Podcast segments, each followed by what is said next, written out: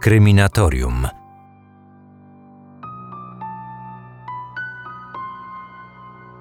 Trzynastoletni Amerykanin meksykańskiego pochodzenia, Jared Negrit, był jednym ze skautów grupy harcerskiej zrzeszającej nastoletnich chłopców z El Monte, na wschód od Los Angeles. Najlepszy sposób na dobry trening w wykonaniu mojego syna? Bardzo prosty. Raz w tygodniu wyjść przed dom, wziąć piłkę do kosza, rzucić dwa razy, a potem wejść do środka, by zjeść kolejną paczkę chipsów. Powiedziałem najlepszy? O nie, nie. To jego jedyny sposób. I to się kiedyś źle skończy dla jego zdrowia. Dobrze, że chociaż lubi być skautem, bo bez tego pewnie nigdy nie wyszedłby z domu. I rzeczywiście, Jared przy wzroście 156 cm ważył 70 kg. Miał więc sporą nadwagę i znacząco różnił się od reszty harcerskiej grupy. Choć nastolatki często wyśmiewają swoich grubszych rówieśników, z Jareda nikt jednak nie żartował. Chłopiec był lubiany przez wszystkich, a jego słabości zgodnie tolerowano. Podczas wspólnych harcerskich wypraw do lasów często pozwalano mu zostawać w tyle, a później cierpliwie czekano, aż do wszystkich dołączy. Może dlatego Jared tak bardzo lubił swoją grupę, bez której nie wyobrażał sobie spędzania weekendów. Nazywam się Marcin Myszka i dziś chcę Wam przedstawić kolejną tajemniczą historię. Zaginięcia to ważny element tego programu. Takie sprawy często zdobywają duży rozgłos. W poszukiwania angażują się setki, a niekiedy tysiące osób. Wszyscy zadają sobie pytanie: co mogło się stać? Czy doszło do nieszczęśliwego wypadku, czy może zniknięcie osoby ma związek z przestępstwem? I co najważniejsze, czy zaginiona osoba wciąż żyje? Takie pytania zadawali sobie również ludzie z San Bernardino, którzy próbowali znaleźć trzynastolatka. Było to najdroższa i najbardziej skomplikowana akcja poszukiwawcza w historii hrabstwa. Jaki był jej efekt? Jakie znaleziono ślady? Zaraz dowiecie się o wszystkim, ale najpierw przypomnę jeszcze, że nowe odcinki Kryminatorium pojawiają się w każdy poniedziałek z samego rana. Podcastu możecie słuchać na Spotify i wszystkich innych aplikacjach podcastowych. Kryminatorium. Otwieramy akta tajemnic. Jared był zachwycony, gdy ogłoszono datę następnej wyprawy.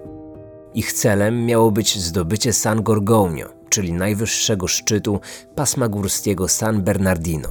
Grupa miała wyruszyć w czwartek, 18 lipca 1991 roku. 3,5 tysiąca metrów nad poziomem morza. Szczyt osiągnięty podczas nocnej pierwszej wędrówki. Stopień trudności wysoki. Nagroda. Awans na wyższy stopień skautowy. Większego zaszczytu nastolatek nie był w stanie sobie wymarzyć. Grupa liczyła sześciu skautów. Przewoził im dorosły i doświadczony Dennis Knight. Opiekunem grupy był od niespełna pięciu miesięcy, ale miał 15 lat doświadczenia w skautingu. Rodzice nieletnich uczestników mogli mieć do niego pełne zaufanie. Nie zdawali sobie oni jednak sprawy, że Knight jeszcze przed wyruszeniem w góry złamał kilka zasad bezpieczeństwa ustanowionych przez amerykańską organizację skautów, o czym w wywiadzie dla Los Angeles Times powiedział Blake Lewis, ówczesny rzecznik organizacji. W przypadku wyruszenia na szlak z grupą składającą się wyłącznie z osób niepełnoletnich, wymagana jest obecność dwóch dorosłych przewodników. Poza tym, przed rozpoczęciem wymarszu, lider grupy 538 nie złożył w kalifornijskiej Radzie Skautów wymaganego w takich przypadkach planu wędrówki wraz z jego szczegółowym opisem. Pierwszy wieczór wyprawy grupa spędziła w rozbitym obozowisku przy Suchym Jeziorze na północ od San Gorgonio. W piątkowe popołudnie 19 lipca wszyscy wyruszyli dalej. Do pokonania mieli 8-kilometrowy szlak prowadzący prosto na szczyt. Jared zadziwiająco dobrze znosił trudy wspinaczki po ciężkim, kamienistym terenie. Tryskał humorem, a po drodze uwiecznił swoim aparatem piękno otaczającej go przyrody. Kłopoty zaczęły się po dotarciu na wysokość 3000 metrów. Nastolatek zaczął zwalniać, aż w pewnym momencie inni chłopcy zorientowali się, że ich kolega został w tyle. O zaistniałej sytuacji powiadomili prowadzącego ich opiekuna, który wrócił do osiągającego się trzynastolatka. Nie dajesz już rady, co? Nie martw się.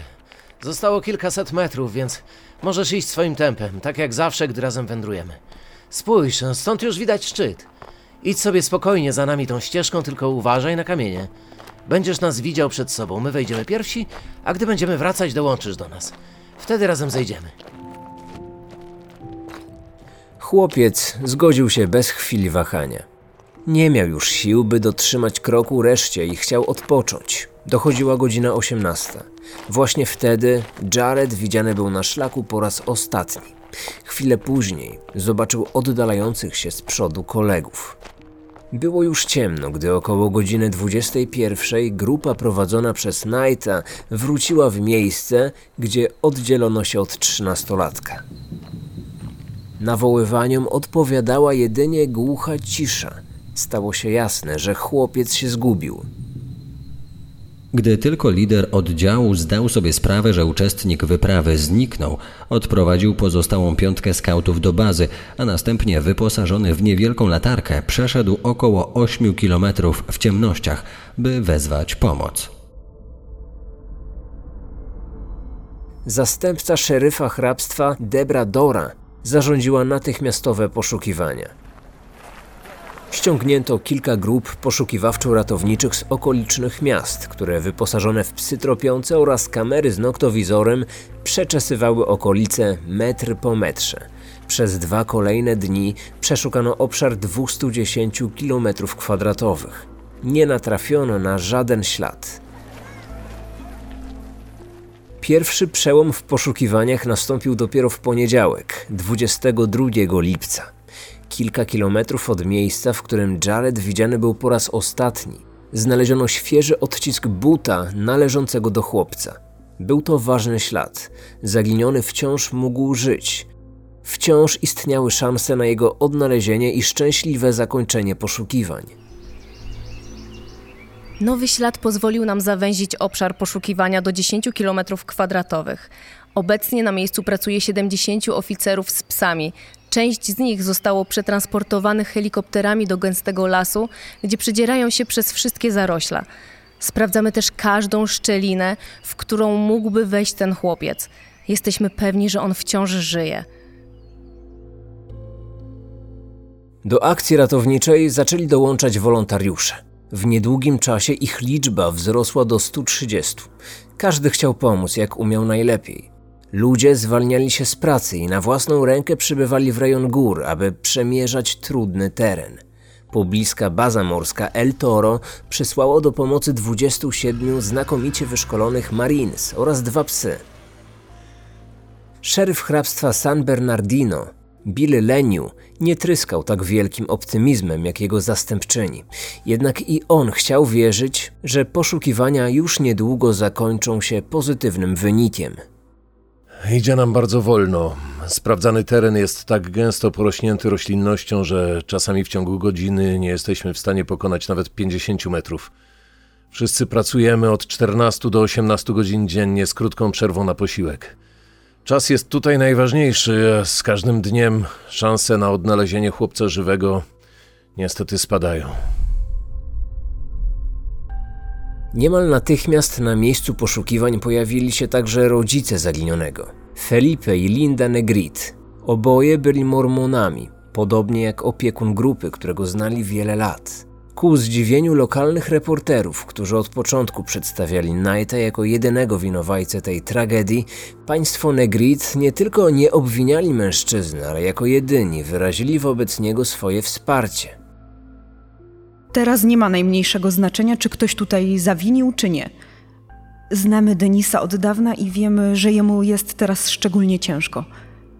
Tam w górach stało się coś, co sprawiło, że nasz syn oddzielił się od grupy, ale w tym momencie ani ja, ani mój mąż nie zamierzamy nikogo wskazywać palcem. Nie szukamy winnych. Chcemy tylko, żeby syn do nas wrócił. Dziennikarze nie byli już tacy wyrozumiali. Na łamach prasy punktowali błędy przewodnika. Od samego początku łamał wszelkie reguły. Na szlaku nie przestrzegał najważniejszej ze zasad, mówiącej, że to najwolniejsza osoba wyznacza tempo marszu. Teren górski jest bardzo trudny, zwłaszcza dla dzieci, z czego opiekun doskonale zdawał sobie sprawę. Śliskie zbocza, wąwozy, luźne skały i gęsta roślinność. Nawet jeśli się zgubisz, ale zostaniesz na szlaku, nie ma problemu. Jednak w chwili, gdy z niego zejdziesz, w każdym momencie grozi ci śmierć. 27 lipca podczas przedzierania się przez górskie zbocze odkryto niepokojące miejsce, które mogło mieć związek ze zniknięciem. Mowa tu o ukrytej plantacji marihuany. Wartość skonfiskowanych roślin szacowano na ponad 100 tysięcy dolarów. Niecodzienne odkrycie sprawiło, że część osób zaczęła snuć przypuszczenia, że Jared podczas samotnego schodzenia z góry mógł wtargnąć na teren handlarzy narkotyków, a ci go porwali lub zabili. Policja jednak natychmiast wykluczyła taką możliwość. Absolutnie nic nie wskazuje na to, aby poszukiwany chłopiec mógł stać się ofiarą jakiegokolwiek przestępstwa. Na plantacji nie odnaleziono żadnych śladów, że poszukiwany nastolatek w ogóle był w tym miejscu. Przeciwnie, istnieje duże prawdopodobieństwo, że zaginiony wciąż żyje. Liczba osób biorących udział w akcji, określanej przez prasę jako najbardziej złożone poszukiwanie w historii hrabstwa San Bernardino, stale wzrastała. O świcie 29 lipca w teren wyruszyło 100 Marines, 90 wyspecjalizowanych ratowników górskich oraz blisko 200 wolontariuszy. Kilka godzin później, gdy po raz pierwszy zaczęto rozważać zawieszenie akcji, nastąpił długo wyczekiwany przełom. Odnalezionych zostało kilka rzeczy, które z całą pewnością należały do chłopca. Kilka kilometrów od odkrytych wcześniej śladów butów natrafiono na paczkę z suszoną wołowiną, którą zabrał ze sobą chłopiec. Kilka pustych opakowań po cukierkach oraz najważniejszy przedmiot aparat fotograficzny. Wywołano wszystkie zdjęcia. 11 z nich przedstawiało uchwycony na kliszy krajobraz. Na pewno zostały wykonane przed zaginięciem. Jednak dwunasta fotografia była inna. Ostatnie zdjęcie na rolce filmu przedstawiało część twarzy chłopca, oczy i nos. Wykonane zostało prawdopodobnie w pierwszą noc jego zaginięcia z bardzo bliskiej odległości, z użyciem lampy błyskowej, Rodzina zaginionego uważa, że niedługo później zgubił on swój aparat, gdy schodził stromym zboczem, nie później niż kilka dni po swoim zaginięciu. Znalezisko pozwoliło służbom ratowniczym zawęzić teren poszukiwań do obszaru 35 km2. To i tak bardzo duży teren, ale to jednak ułatwienie. Szeryf hrabstwa w swojej wypowiedzi nie ukrywał, że ma mieszane uczucia. Odkrycie ponownie rozpaliło w nas nadzieję, że zmierzamy we właściwym kierunku. Zaginiony przemieszcza się i wierzę, że podążamy za nim. Jednak teren, w którym teraz jesteśmy, jest piekielnie niebezpieczny. Naznaczony masywnymi, niestabilnymi głazami i spadkami, sięgającymi nawet 200 metrów. Jest tu wiele szczelin, do których niedoświadczona osoba może z łatwością wpaść. Rodzice zaginionego chłopca wciąż wierzyli, że Bóg wysłucha w końcu ich modlitw i syn wróci do domu. Optymizm kobiety nie słabł, ale niestety zupełnie inaczej było w przypadku jej męża. Proszę być dobrej myśli. Na pewno słyszał pan o wielu przypadkach, w których zaginieni wracali cali i zdrowi do swoich domów. Osiem lat temu tu, w Kalifornii, odnaleziono osobę po 39 dniach – co prawda ze złamaną nogą, ale żywą. Wszyscy stracili już nadzieję, a tu proszę, dobre wieści. A czy ta osoba też była przestraszonym, pulchnym trzynastolatkiem, bez żadnego doświadczenia w samotnych górskich wędrówkach, dla którego szczytem fizycznego wysiłku było otworzenie kolejnej paczki chipsów? Nie sądzę. Ma pan rację. To akurat był kapral piechoty morskiej. Może to nie najlepszy przykład, ale mam lepszy. Niedawno odnaleźliśmy ośmiolatka. Wrócił cało do domu, a był młodszy niż pana syn i nie był skautem. Ile dni go szukaliście? Z tego co pamiętam, jakieś cztery, może pięć. Na mojego syna nie ma już 12 dni. 12 pieprzonych dni i nocy. Widzi pani różnicę?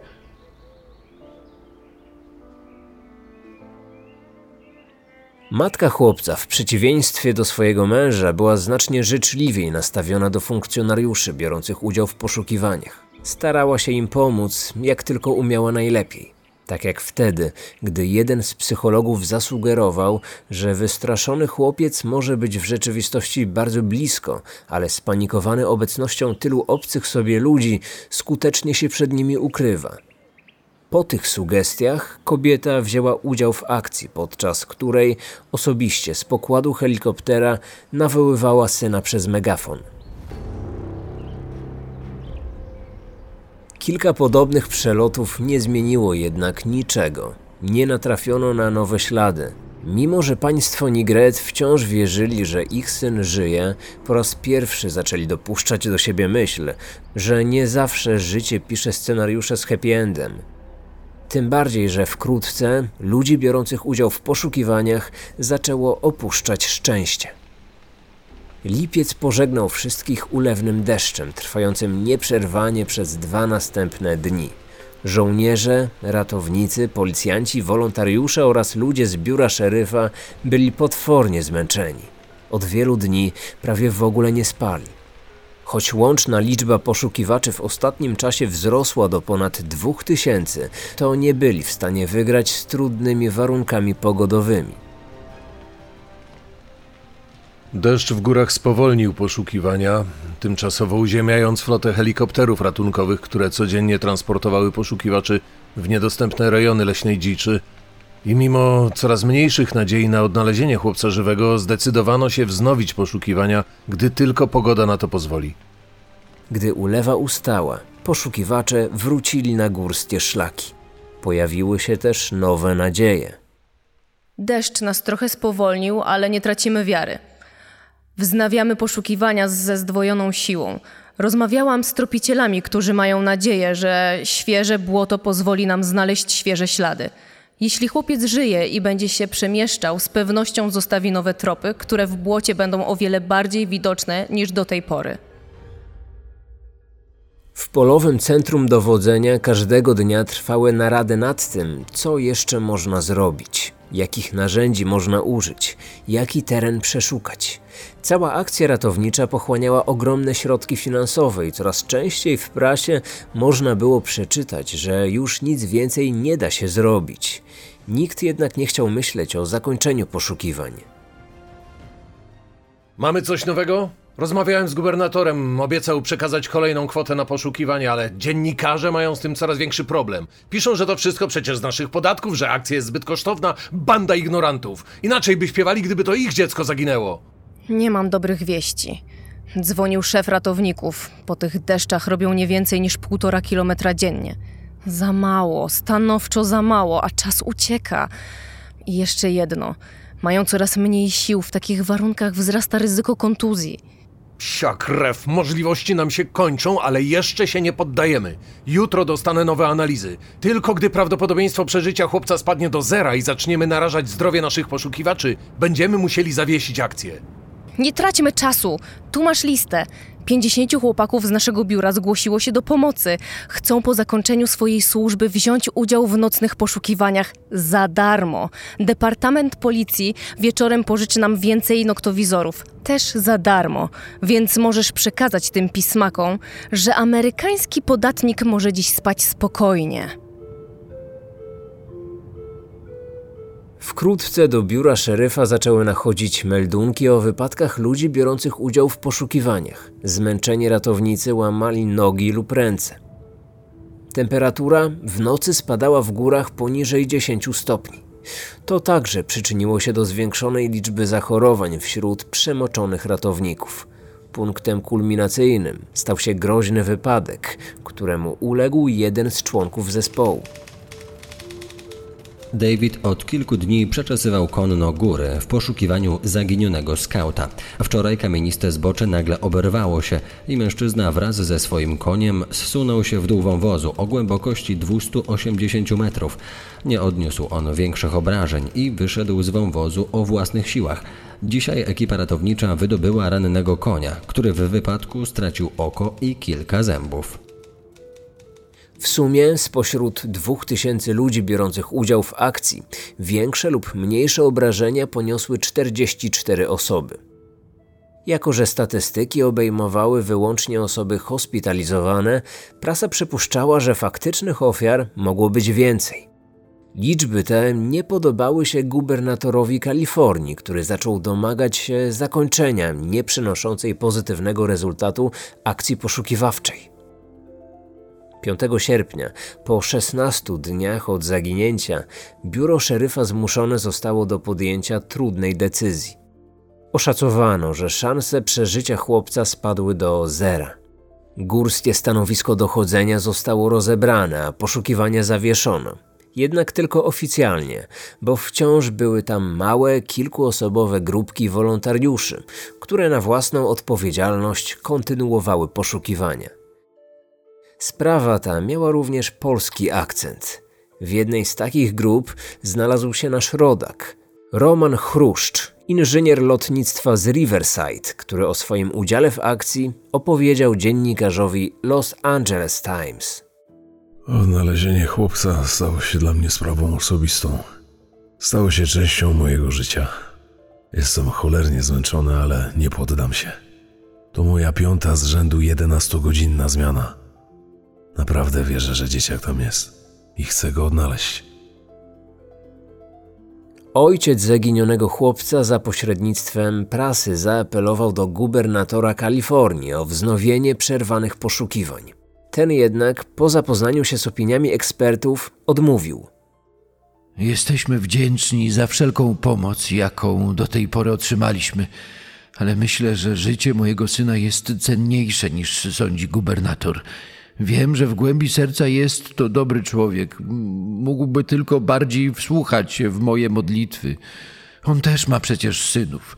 Nie powinniśmy się poddawać. Może gdybym był bogaty, szukaliby dalej, aż go znajdą, żywego lub martwego. Wciąż przecież możemy wygrać. Możemy znaleźć to dziecko.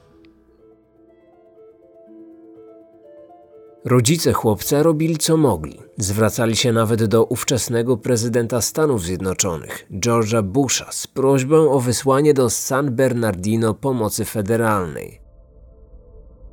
Odpowiedź z Białego Domu mówiła jasno. Agenci FBI zostaną skierowani do pomocy, jeśli tylko gubernator Kalifornii zdecyduje się na kontynuowanie poszukiwań.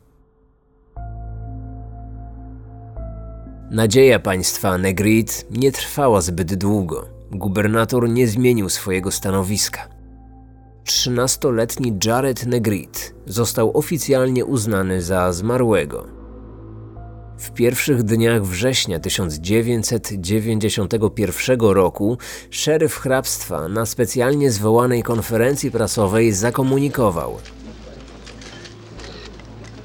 od ponad miesiąca nie natrafiliśmy na jakikolwiek ślad wskazujący, że poszukiwany nastolatek żyje. Z bólem serca muszę przyznać, że zdaniem ekspertów prawdopodobnie chłopiec zmarł tuż po tym, jak wpadł w głęboką szczelinę. Przy ulewach i burzach, które nas ostatnio nawiedziły, ciało prawdopodobnie spłynęło w inne miejsce, do którego ekipy poszukiwawcze nie były w stanie dotrzeć. Mówię prawdopodobnie, gdyż sprawę uważamy za możliwą do ponownego otworzenia, gdy tylko pojawią się nowe ślady. Przez jakiś czas byli jeszcze tacy, którzy wierzyli, że chłopiec żyje.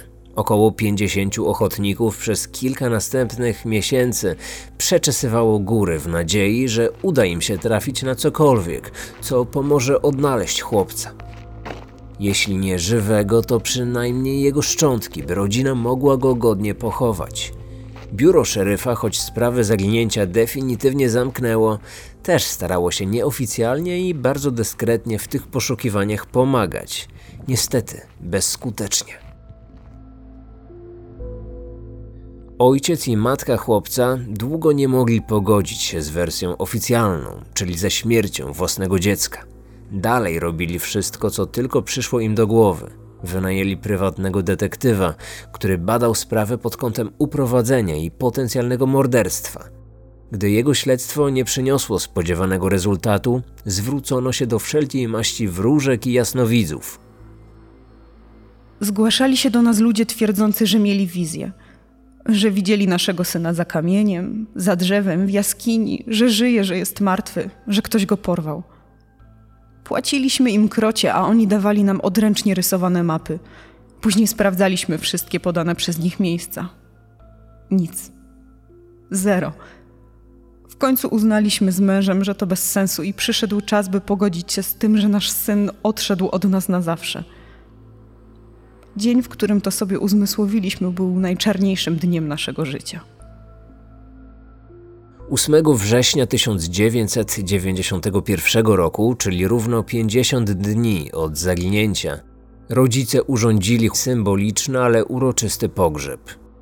Jego ojciec, opierający się o mównicę i z trudem wypowiadający każde słowo, w swojej ostatniej pożegnalnej mowie powiedział: Stoję tutaj przed wami ze złamanym sercem z powodu tragedii, jaka dotknęła nas wszystkich.